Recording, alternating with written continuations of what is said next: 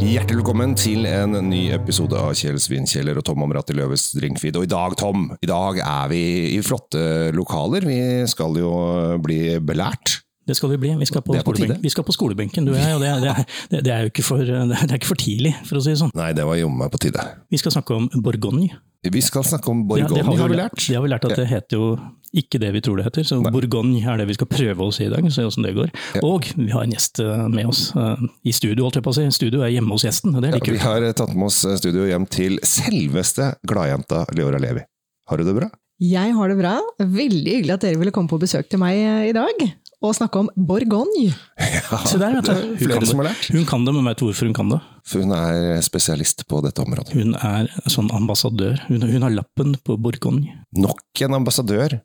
Hvor mange, er, mange ambassadører i Norge har Bourgogne? Eh, Så langt jeg vet, så er det to. Ja, Det er deg og Katinka Dege, som vi har hørt fra tidligere her på, her på kanalen. Vi har møtt nå 100% av disse representantene. Hvordan ble du det? Du, eh, ja, si det. Eh, Det er eh, så lenge siden at jeg er litt usikker på hvordan det skjedde. Men eh, nei, jeg var egentlig ikke så veldig langt inn i vinkarrieren. Jeg hadde vært med i noen konkurranser og vunnet noen vinkelende konkurranser, og så fikk jeg forespørsel om jeg var interessert i å bli Burgund-ambassadør, og da måtte jeg reise til Burgund på opplæring. Så da reiste jeg ned dit og var der en uke, og det gjorde meg til ekspert på Burgund, tydeligvis. Ja, skal ikke mer til. Nei. Det går fort. Fort gjort. I dag skal vi snakke litt om Bourgogne. er jo nesten et sånt ikon, nesten sånn mytisk greie. Og det, det handler jo egentlig om beliggenhet. Ikke sant? Det er jo beliggenheten inni det området som gjør at eh, noen viner er, er sånn hinsides uh, prisa. Sånn type 'jeg må rømme til Sveits'-prisa. Og Og det, jeg tror det har gått en del av de vinene til Sveits de siste to åra. Det kan godt hende at noen tok med seg litt på lasset når de rømte fra Futen eh, ned dit. Men så er det jo også et eh, ganske stort vinområde. Selv om det er ikke mye vin der, så er det jo, området er ganske stort. Og det, det, er mange steder som folk kanskje ikke har hørt så mye om. Eller hva? Altså, det, det, det er jo steder der som er utenfor Gullåsen, altså godt år. Ja, og de fleste som er veldig vininteressert, de kjenner jo godt til Burgund og, og de ulike underområdene. Men Burgund er et veldig eh, spennende område, og for de som liksom akkurat har begynt å pirke litt på vin og syns det er spennende og har lyst til å lære litt mer, så eh, en av de tingene som veldig mange ikke vet, er at Chablis eksempel tilhører jo Burgund. Det ligger ikke helt langs den samme åsen, gullåsen som du snakker om, Tom, men det ligger litt nordvest for resten av Burgund, men tilhører da Burgund. Og, og det er liksom denne gullåsen som er et lite, bitte liten del av Burgund, egentlig, hvor alle de mest kjente og de fryktelig dyre vinene kommer fra. Men det kommer også andre viner derfra som ikke er så fryktelig dyre. Ja, fordi åssidene rundt så er det jo rom for å lage vin som er mer kristent priset, da, for å bruke det uttrykket. Ja, men det begynner jo, jeg syns det begynner å bli dyrt overalt. Jeg. Det begynner å bli dyrt overalt, men det er fremdeles eh, noen områder i Burgund som, hvis man beveger seg litt lenger sydover f.eks., eh, ned fra Gullåsen, ned mot Macon-området f.eks., der er det fremdeles viner til Ja, du må jo fort ut med par hundre, 200-300 kroner der også, men da kan du få riktig gode viner til en forholdsvis bra pris. Og så lurer jeg på, hva er en god vin? Altså, er det mulig å måle det, eller er det bare en, sånn som vi tre som sitter og syns og mener at jo, men nå er det litt mye blomster i den, så den passer ikke inn i et kart, eller, eller, eller, eller målba- målbart? Det er ikke målbart, vil jeg si. Det kommer an på øyet som ser og tungen som smaker. Ehm, Men Burgund er et vinområde som veldig mange blir veldig glad i når man har smakt en del vin, fordi man kommer ofte tilbake til Burgund og synes at vinene derfra eh, gjennomgående holder en god kvalitet. Du vet hva du får når du kjøper vin fra Burgund, stort sett, men det er klart Burgund er også et av de mest komplekse områdene. Eh, og det har rett og slett med at eierstrukturen i vinmarkene f.eks. er veldig kompleks. Um, og det kan man jo dra tilbake litt sånn historisk, det, det er egentlig litt morsomt. Fordi um, munkene var jo de som organiserte liksom vinmarksstrukturen i Burgund for mange hundre år siden, i middelalderen. Uh, og etter hvert så kom jo dette her over i adelens hender. Og uh, Napoleon kom inn med arveloven sin. Kjenner vi til Napoleons arvelov? Ja, vi har i hvert fall hørt om den. Alle paragrafene. Ja. Ja. Ja. Og hva sier Napoleons arvelov? At alle skal dele likt, er det ikke noe sånt? Helt riktig, det Ja, er ikke noe I utgangspunkt. Ja. Ja, ja, ja. Ingen odel der, altså. Så ti barn. Alle får en Ja. tiendedel hver. Alle skal med. Og når du da deler eh, ti hektar vinmark på ti barn, så blir det jo én hektar vinmark til hver, ikke sant? Og det er jo greit. Men så kommer da neste generasjon, hvor alle også har ti barn hver, da. Og plutselig så står du igjen med da tre vinstokker i en vinmark, ikke sant? Og da må du begynne å, å spekulere. Hm, hvilken av nabojentene er det som er enebarn? For masse vinmark, ikke sant? Og på den måten, hvis man, hvis man ser på vinhylla Ja, for det, det er ikke gutt, det er nabojentene, selvfølgelig. Det er den veien det går. Eller Ja, ja, ja, ja. Det, kommer, det spiller egentlig ingen rolle. så så selv en den minst attraktive mann, hvis han har rikelig med, så får han den flotteste dama. Oh, ja. Oi, se her. Her er det ting! Men eh, hvis du ser på polhyllene da, over Burgund, så ser man at det er veldig ofte noe dobbeltnavn på produsentnavnet. Ofte så finner man igjen mange av de ulike navnene liksom foran eller bak, eller foran eller bak, så eiendomsstrukturen litt intrikat. Kanskje ta en liten sånn eh, DNA-sjekk før man gifter seg. For det er en liten forklaring på hvorfor det er så altså, Når jeg begynte med, vin liksom, og skulle begynne å lære meg dette, her, sånn, så fikk jeg, jeg fikk jo litt sånn, jeg gikk omtrent i en slags mental koma da jeg prøvde å skjønne dette her sånn uten Det tok litt tid før jeg fikk dette her inn, at det var på den måten det var. fordi altså, det, det er jo ikke noe logikk. Og noen av disse vinmarkene ligger jo ikke tett inntil hverandre heller, de ligger jo litt sånn spredd rundt omkring.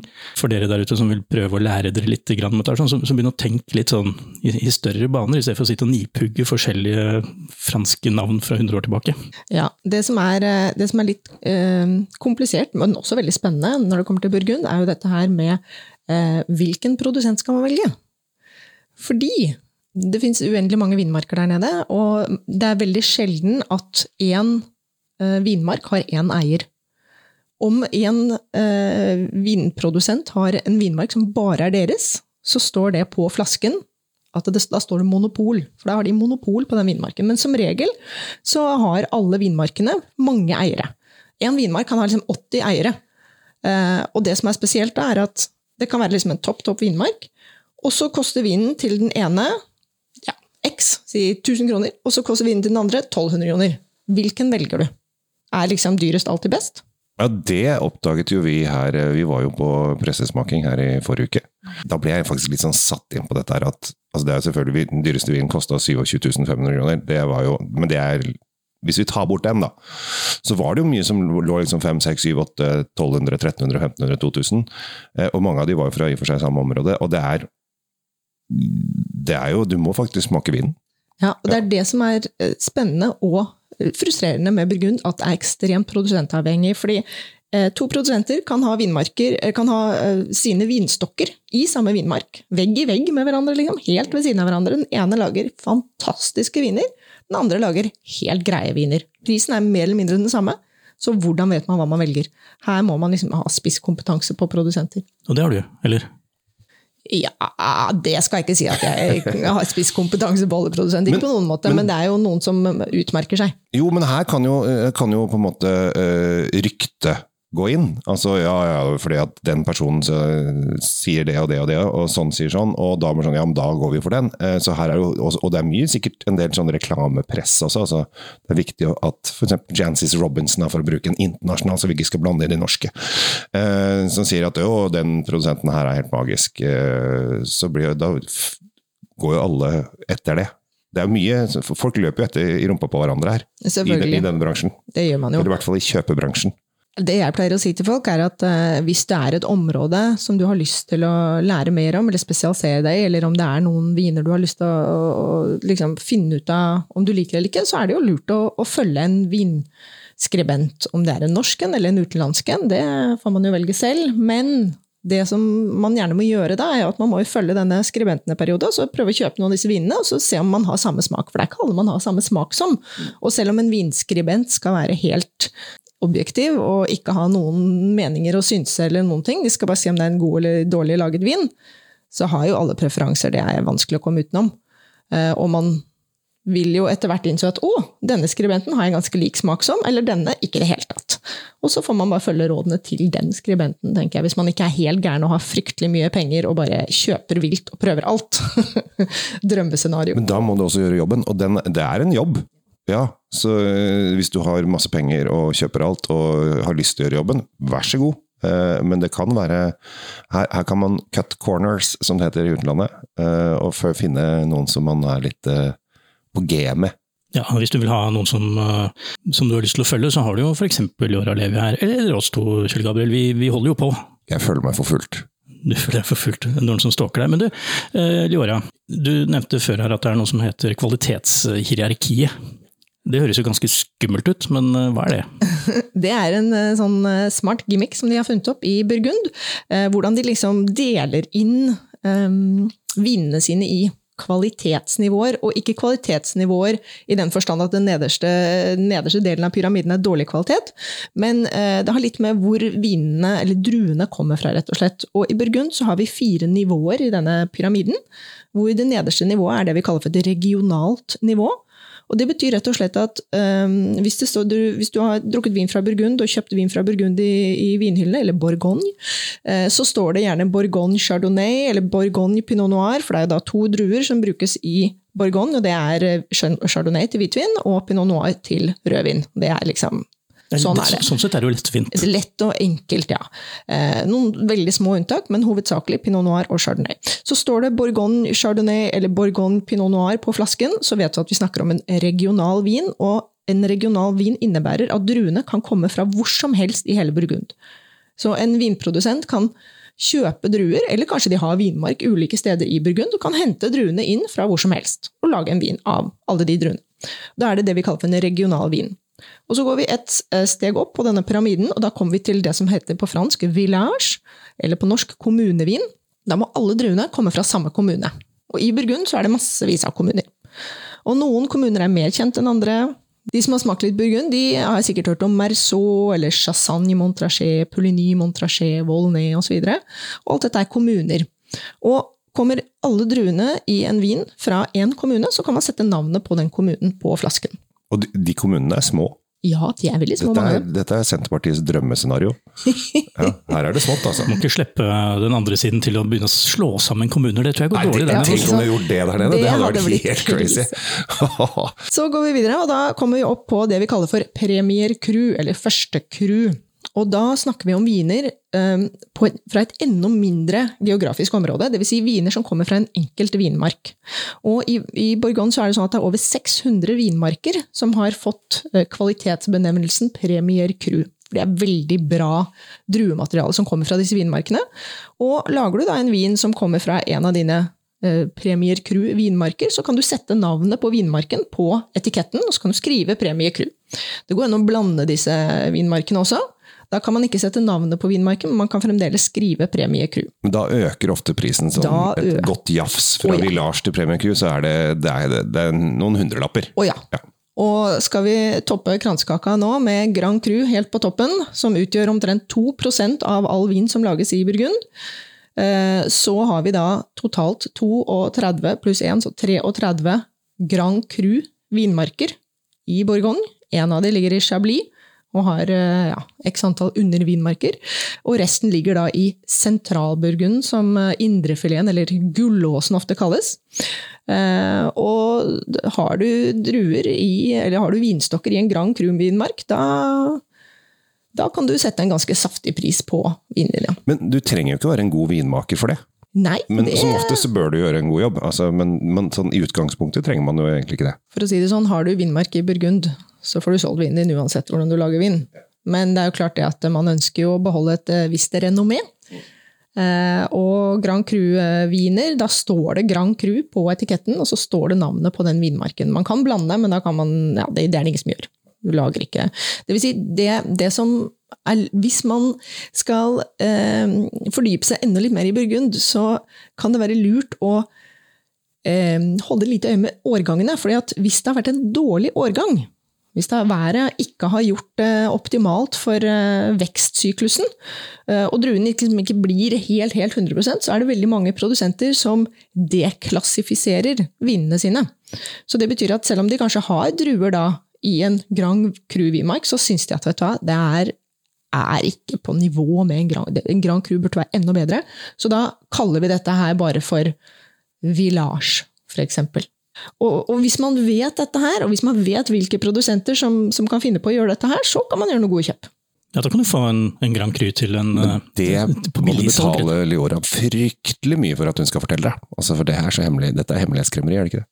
Det er ikke bare hemmelighetskremmeri, men, men det finnes så lite, så det er ikke sikkert det deler i det hele tatt. Nei, det er det. Nei, det er sånn. Det er ikke bare litt hemmelig, det er, det er strengt, strengst hemmelig. Og ingen forteller det til deg, så da går, går du rundt i villfarelsen. Var, eh, du var litt inne på det, Kjell Gabriel, dette med å lage vinen. De som produserer dette her. Altså, en ting er hvor druene vokser, at eh, det blir jo druer. Dette er jo landbruk. er jo, Vi snakket om Senterpartiet, dette er jo bønder som lager dette her. Men så, så skjer det jo noe, fordi druene skal jo inn i en eller annen vinkjeller. Det skal presses safter, og det skal gjøres ting med. Og eh, disse vinmakerne de har jo også en ganske grei status i Bourgogne. Ja, eh, men jeg får ofte spørsmål av folk å, jeg har lyst til å reise til Burgund, og kan du anbefale noen steder vi kan besøke? Nja, ikke egentlig. For det, det, er liksom veldig vanskelig å besøke vinbønder i Burgund, for de har ikke noe vin å vise fram. For alt er solgt. Det er snakk om veldig små kvanta på, på vinene her. sånn. Og ja, de har status. De har liksom kultstatuser, mange av disse vinprodusentene. Men man kommer ikke inn på de. Nei, du får ikke lov, de bare låser De tar ikke imot besøk, rett og slett. Det er, har ikke noe det vin er å vise sånn en tønne her og to tønner der og Ja. tre tønner der, så det blir sånn Å ja, du har tre tønner, ja. ja. Men altså selve stilen på Burgund, eller Bourgogne-viner, har vel også altså, Alt skjer jo uh, gjennom historien her. Altså, hva de drakk for 300 år siden må jo ha vært helt skrekkelig i forhold til hva vi får i dag. Og noen begynner å tenke på hvordan, hvor går dette her videre? Er det mulig å perfeksjonere disse vinene enda mer? Og vi vet jo at øh, det har vært snakk om øh, nok en ny stil på Bourgogne-vinene som kommer. Øh, Hva tenker du om det, Liora? Ja, nei, det, det er jo sagt at de sender ut eh, mange av den yngre garde rundt om i verden, og det er jo ikke bare i Burgund de gjør det, det gjør de jo mange steder i verden. At de, de sender den yngre generasjonen ut eh, for å jobbe på vinmarker og vinkårer rundt om i verden, for å hente inspirasjon og for å lære og, og ta med ny kunnskap tilbake. Så om Burgund forblir Burgund sånn som vi kjenner det i framtiden, det gjenstår jo å se, og det kan jo bli spennende å se om det er noen annen Om det utvikler seg i en annen retning, og selvfølgelig så må vi også tenke på klima. For det er jo neste punkt på agendaen, kan jeg tenke meg. Ja, altså, Nå tok jo det opp, da, så hvorfor ikke forfølge det sporet litt? Fordi er, jo ikke fritatt for klima. Selv om noen av de rikeste menneskene i verden må ha vin som er derfra, derfra, derfra, så betyr jo ikke det at eh, de blir spart for eh, både varme og altså ekstremvær i det hele tatt.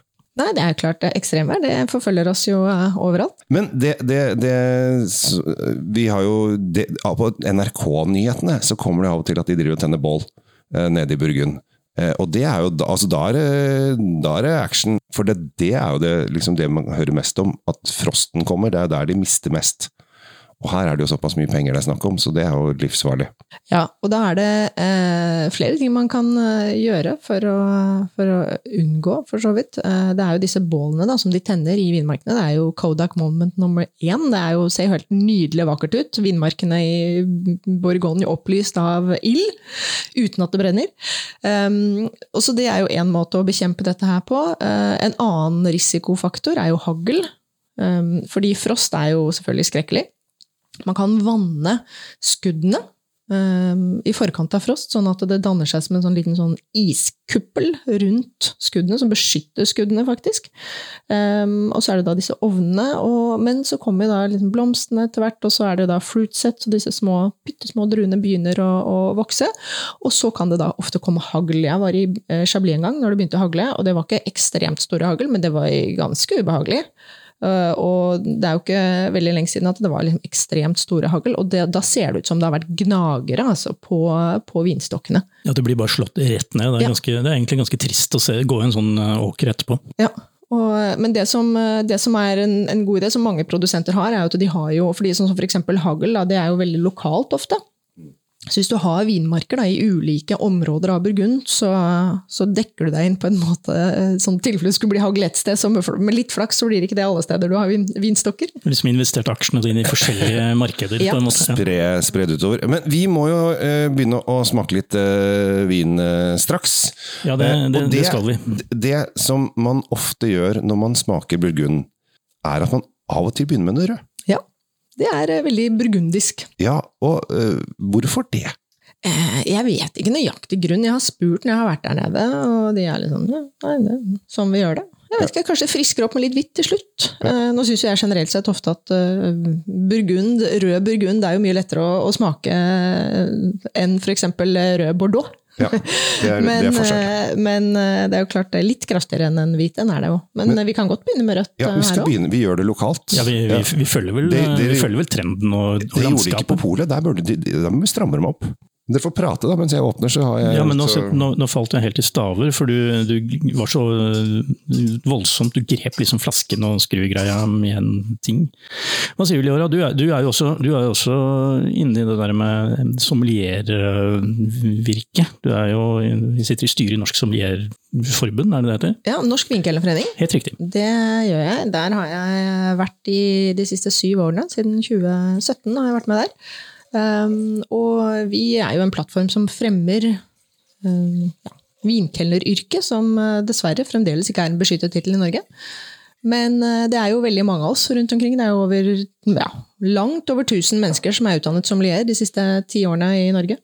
Så uh, det, vi begynner å bli ganske mange som bryr oss om vin, og som bryr oss om hva som skal stå på et vinkart i, rundt om i hele Norges land.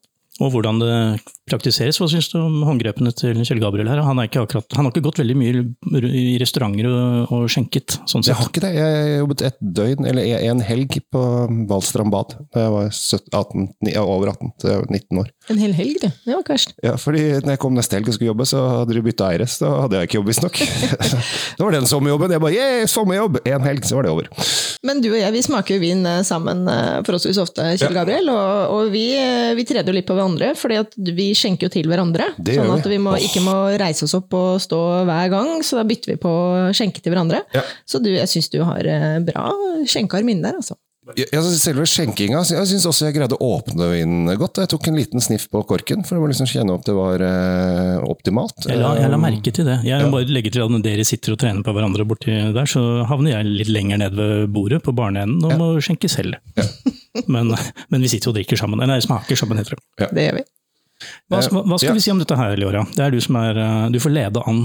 Ja, dette her er jo da en vinprodusent som heter Maison Champy, som uh, iallfall selv uh, mener at de er det eldste vinhuset i Bourgogne. De har holdt på helt siden 1720. Det er helt riktig. Det står på flasken. 1720. Um, og um, denne her, som vi smaker nå, det er da en vin på Premier Cru-nivå. Så nå er vi helt oppunder toppen i pyramiden. Vi stanger i taket her nå. Vi stanger i taket. Denne øh, vinen er jo da en rød vin, øh, og den er jo da selvfølgelig laget på 100% pinot noir, og det er en 22-årgang. Så vi er på en forholdsvis fersk årgang. Ja, så, hva, hva snakker vi om?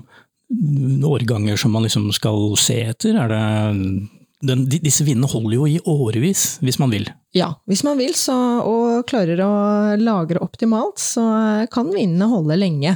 Eh, og, og så er det jo litt preferanse også. Noen foretrekker jo ferske, fruktige, unge, saftige burgundere, mens andre foretrekker å la de ligge og modne, og, og istedenfor å ha liksom denne veldig frukt baserte aromaen og lukten, så, eller eh, smaken, så ønsker jo noen heller få litt mer sånn tertiærtoner, som vi kaller det på vinspråk. At det lukter litt mer sånn jordlig, at du får en litt sånne sopptoner. Mm.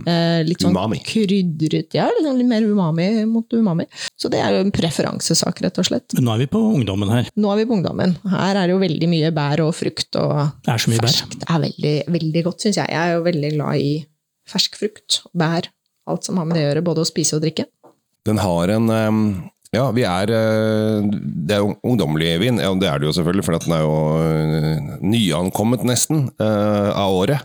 Men den beskriver jo egentlig ganske godt en pinot noir, da. Med at den har disse Altså, jeg, jeg får veldig fort sånn kirsebærfrukt. Ja, du har den røde frukten, øh, eller, eller bærene. Øh, Frukt blir liksom, den er enda lettere enn det. det er på bær. Det er en sånn, sånn blanding av, av um, kirsebær og liksom, går litt sånn mot skogsbær. Med, men du må ha litt syrlig skogsbær, for skogsbær blir ofte litt sånn mørk, men litt, litt sånn i sånn bærtonepreget. Jeg får alltid veldig sånn rognebær jeg, på, eh, når det kommer til Det er jo ikke det at man spiser eller drikker rognebærbasert, det drikkes veldig ofte. Nei, for du er ikke ofte. trost. Jeg er ikke trost. Eh, Men jeg hadde en, eh, en nabo som eh, lagde rognebærvin bestandig. eh, Det var jo interessant. Men eh, allikevel så syns jeg ofte at eh, selv om det er kirsebær, mye kirsebær og litt sånn skogsbær, som du sier, og sånne ting, så syns jeg likevel at det har en syrlighet som mer stemmer overens med noe som er så syrlig som vi kanskje ikke egentlig drikker så mye. Jeg syns rognebær ofte er sånn, for meg, da, rognebær, krekling, sånne bær som er så syrlige som vi normalt sett ikke drikker, men at det liksom er lite hint av det også. Og man bruker jo ofte ord og uttrykk i, når man beskriver vin som ikke er egentlig ting vi smaker eller spiser Det er jo ingen som i sine fulle fem går og spiser rognebær, selvfølgelig. Men, Nei, men eller nylagt asfalt, eller hva det nå må være. Jeg, jeg pleier jo da, når jeg holder vinkurs av og til, så pleier jeg å si Vet du hva man aldri beskriver vin med? Har du tenkt over det? jeg vet jo hva du skal si nå, Ja. men du kan få lov å si det selv. Ja. Drue. Ja. Og det er jo det der. Ja, Ja. det, Men de sier, å, det var god druesmak på den der. Det har jeg aldri sagt. Ingen som sier det. Nei, og det er du rett i, og jeg også bruker det ofte. Jeg pleier å si at vin er eh, det eneste, og da blir alle vinene, ølfolk alltid veldig sure, vin er det eneste landbruksproduktet som smaker av alt annet enn hva det egentlig er. Det er jo egentlig bare en omskrivelse av det du sa akkurat nå. Ja, ja. Du det, og det syns jo folk er litt gøy. Å nei, men det tenker jo ikke på. Du sier asfalt og så videre, så mye andre rare ting. Men sier aldri drue. Det er kanskje fordi vi ikke har en, eh, har en beskrivelse av hva drue kan være. Men nå, nå tok jeg eh, runde nummer to, og nå, nå kommer syra her. Eh, som nå ble Tom glad. Ja, jeg digger jo syre. Jeg synes det er, det, er, det er liksom det jeg gleder meg til omtrent hver eneste slurk. Jeg tar, tenker jeg, å, nå, nå får jeg det, det, det lille kicket. Og det kommer hver gang, og det er helt fantastisk. Eh, hva vil du si, Liora? Er dette en um, Hva vil du si? Er det, en, en god pinot noir, vil du si det?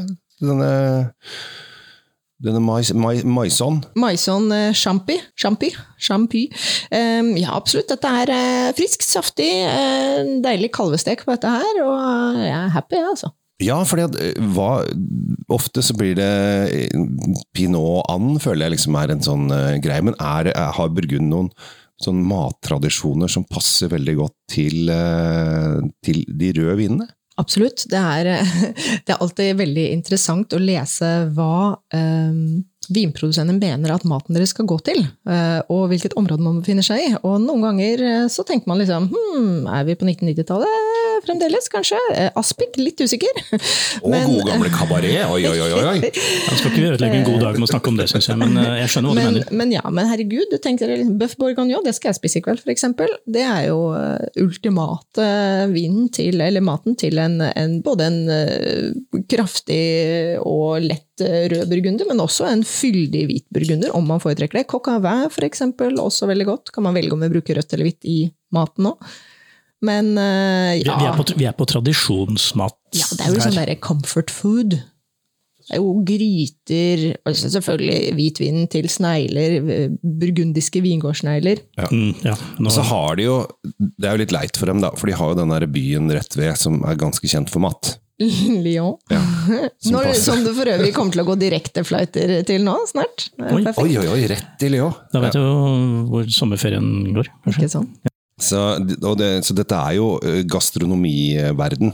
Ja, Og da passer det godt med, med viner i den klassen her også. Du dro i gang dette her med snegler og hvitvin. Uh, vi skal ikke forfølge sneglene noe særlig mer, for nå sitter jo mennesker og hører på dette her og, og lager rare ansikter og syns dette her hørtes rart ut. Men uh, det vi skal gå og gjøre nå, det er jo å smake på en hvit variant. Hvite burgundere. Det har jo nesten en egen sånn schwung over seg, det å gjøre. ikke sant. Hvite burgundere, da vet man med, at, med en gang at nå har jeg kommet til rett sted, hvis det er det som blir servert. Um, og um, vi skal over til en produsent som har eh, veldig mye vinmark. De har så mye som 50 hektar vinmark. Oi, oi, oi! Det er Det er fordelt rundt omkring i Burgund, og det er veldig, veldig mye. Eh, mange har liksom sånn Hvis de har fire hektar, så er det mye. Så 50 hektar er veldig stort. Maison Louis Latour, også en stor produsent som lager vin over hele, hele linja. Eh, og dette er da en regionalvin, en såkalt Bourgogne Chardonnay. For vi er på hvitvin, og da er det chardonnay som gjelder. Og eh, eh, jeg har ikke lyst til å slippe de sneglene helt. Jo da, jeg skal slippe sneglene, men eh, Ikke, jeg liker snegler, jeg. Ja, altså, det, det, det det, det er bare hensyn til noen sarte sjeler der ute. nei, nei, nei. nei. Hvis du ikke liker snegler, så bare tenk på at det er noe annet. Ja. Ja. Det som jeg vil anbefale de som har lyst til å reise til Burgund, da, eh, er også å ikke bosette seg, men i hvert fall finne et hotell i nærheten av Bonn, som er en av hovedbyene, spesielt hvor det er veldig mye hvitvinsproduksjon. Eh, Og midt i byen der, eller byen, landsbyen, den er ikke veldig stor. Jeg løper rundt, jeg jogger rundt på 20 minutter, da løper jeg utenfor murene, liksom. Husklinga, kan vi si. Ja. Eh, og der har de jo da selvfølgelig et sånn herlig marked noen ganger i uka. Og er usikker på om det bare er lørdager nå, eller om det er andre dager også, hvor du da kan kjøpe alt mulig av ferske, herlige grønnsaker og jambon au persil, som er eh, en lokal spesialitet. Eh, skinke med persille. eh, Og veldig mye hvitvin, eller veldig mye hvitløk. Også veldig godt til rødburgunder, selvfølgelig. Men så har du da midt på plassen, i byen her, så har du også en helt fantastisk butikk hvor du kan kjøpe alt av oster, skinker, delikatesse, og de vakumerer for deg, så det er dit, det er det siste du gjør før du reiser hjem. Da fyller du en hel koffert full med mat herfra. Cremant de Bourgogne, for eksempel, som da er Briat Savara, men med trøffel. Også veldig godt sammen med hvit burgunder. Nå skulle vi smake vin og ikke bli sultne og sitte og høre på deg. Ja, det, er, ja. Jeg har vanskelig for å se skillet mellom mat og drikke. Ja, men det, det er det som er så fantastisk med dette her, er at eh, det glir jo inn i hverandre. Du kan ikke bare snakke om den ene tingen og ikke den andre. Det, det er jo det som gjør det ja, verdt, hele vingreia verdt eh, jobben, spør du meg. Og, men når vi ofte tenker da hvitburgund, så er det da dette fat. Fatbruken som da diskuteres. Opp og ned i mente. Ja, men det er mer enn fatbruken. fordi at ofte så er det liksom veldig mye sånn smørtoner i disse hvitvinene. Og smørtoner kommer ikke nødvendigvis bare fra fat, det kommer også fra malolaktisk gjæring. Uh, malolaktisk gjæring uh, er jo da en gjæringsprosess nummer to, på en måte, etter alkoholisk gjæring. Eh, og direkte fra læreboka til Arne Ronald, Verdt å vite om vin. Eh, malolaktisk gjæring er en omdannelse av de skarpe eplesyrene til de bløtere melkesyrene. Og der får du inn da melkesyre, ikke sant? Det laktiske preget, der får du mye sånn smørtoner. Eh, Selvsagt også bruk av nye fat med lite toast. Også for å gi litt sånn popkorn-karamelltoner av og til. Men denne, som vi akkurat har smakt på, som alle tre har sittet og sutta og spytta og ratta på nå, det, Ja, Hva, er, hva er den for noe i den sammenhengen, Laura? Eh, Dette her er jo en eh, regional vin, kan vi si. Så dette her er jo ikke en av de mest kompliserte vinene. Det er 100% chardonnay, selvsagt. Og fatbruken her sånn, det er egentlig veldig lite, fordi at eh, her har du ikke noe fatlagring, men du har da denne malolaktiske gjæringen. For den kan du få utenfor fatet, altså det, det henger ikke sammen. Ja, ja, det har ingenting med hverandre å gjøre. Og nesten alle rødviner går gjennom malolaktisk gjæring, men ikke alle hvitviner. Eh, For eksempel hvis du har en veldig syrlig og frisk hvitvin, så kan du la være å, å la denne prosessen av malolaktisk gjæring gjennomføres. Da beholder du veldig mye med syrlighet i vinen, men i Burgund så ønsker de at det skal være en mer sånn, litt sånn fyldigere vin, litt rikere vin. Eh, Det som de også gjør da, eh, for å få fram enda mer sånn, litt sånn gjæraktig preg, kan man si, er at man um, gjør noe som heter, kalles batonage. Man kan la en del av bunnfallet fra druer og sånne ting, sedimenter som er naturlig i vinen, ligge sammen med vinen en periode og røre om i denne tanken av og til. Det kan man enten gjøre på ståltank eller i eikefat. Og da får man også litt mer av den der fyldigheten og rikheten. Veldig sånn smøraktige toner, litt sånn gjæraktige toner. Jeg tenker at eh, nå sklir vi fort over i eh, mer sånn tekniske eh, ting, og det er veldig veldig moro. Men hva syns du om denne vinen, da? Jeg syns det er en godt lagd vin. Den koster 260 kroner. Og da snakker vi jo liksom Det er inngangspris på vin fra Burgund. Jeg syns jo den er i det lavere sjiktet, og en Og- veldig hyggelig pris. Ja, men det er jo fordi at vi er litt skada. Vi er i Vi vinbransjen. Ja. De fleste nordmenn, nå vet jeg ikke om det har kanskje økt litt grann nå de siste årene, men generelt sett så ligger jo eh, liksom, smertegrensen ligger jo på rundt 150 kroner. Kanskje den har økt til oppunder 200 kroner, men vi er jo likevel på 260 kroner. Ja, altså det er, er det 3 av all vin som selges på polet er over 300, så det er, stort sett så er det under 300 kroner. Det er kanskje blitt 350 nå, for alt har blitt så dyrt. Uh, men uh, ja, 260 er jo Ja, det, for mange er det nok kanskje litt sånn pricy for en flaske vin, men eh, etter hvert så for de som begynner å bli interessert, og det er ofte de som er interessert som hører på podkaster, så det er de vi snakker til. Ja. Eh, De vil kanskje kaste seg over den og si ja, men dette her må vi prøve, og de kanskje vil gå høyere enn det også. Ja, Pluss at jeg må skyte inn at eh, 260 kroner for en Bourgogne Ja. er ikke dyrt. Det er veldig billig. Det er jo det som kanskje er greia, er Da må man begynne å tenke er pris kontra hva man får, er jo det man etter hvert steller seg spørsmålet. Ikke sant? Ja. Og det er en pre personlig preferanse. Da har jeg vært gjennom ganske mye sammen med Liora. Jeg skulle gjerne ha hatt deg et par timer i studio, ja, men, eh, men tiden renner jo ut, og folk eh, som hører på, de skal sikkert gå ut av bilen sin snart og gå på jobb, eller, eller, eller kanskje toget er kommet fram, hva vet Ja. jeg. Eller han som jogger, han er, Han er helt fyren, utslitt. Han han har- fyren. Å, Liora rekker opp hånda. Eh, Jeg har to tips før vi legger på, holdt jeg på å si. Eh, Og det ene er eh, om du skal lage da mat fra borgon som skal matche vinen du skal servere, ikke bruk borgonvin i maten. Det er altfor dyrt. Kjøp en eh, enkel cotteron. Jeg, sånn, jeg lager bøff bourgogne, så har jeg en, en sånn cotteron til 130 kroner som jeg bruker. Det holder fint. Eller har du en boks hjemme, bruk det. Eh, og så sparer du liksom den gode borgonvinen til maten. Andre tipsen er hvis du skal ha gjester, så blir det dyrt å drive og kjøpe ti flasker burgund. Så jeg tenker liksom kjøp et par stykker, og så koser man seg med det under maten og begynnelsen, og så kan man heller ha litt enklere vin etterpå. Ja, et riktig gode først, det er vel vår, vårt mantra egentlig, Kjell Gabriel. Få unna de, de, dyre tingene når folk husker at de drikker det. Ja, for vi er jo ikke Jesus. Eh, og Jesus i bryllupet i Kanan, han lagde den gode vinen til slutt. Uh, og da fikk han skryt. Jesus fikk skryt. Men, han, han fikk skryt fordi det var ikke noe vin igjen. Det var hele poenget. Nei, der, altså, så lenge de fikk noe, så var det sikkert ja. stort sett fornøyde. Yes. Liora, tusen tusen takk for at du ville stille opp og, og, og hjelpe oss gjennom denne episoden med Bourgogne. Uh, Kjell Gabriel og Kjells vinkjeller, du, du, er jo sterk og klar som alltid. Og jeg heter Tom Amriate Løvaas fra Drinkfeed.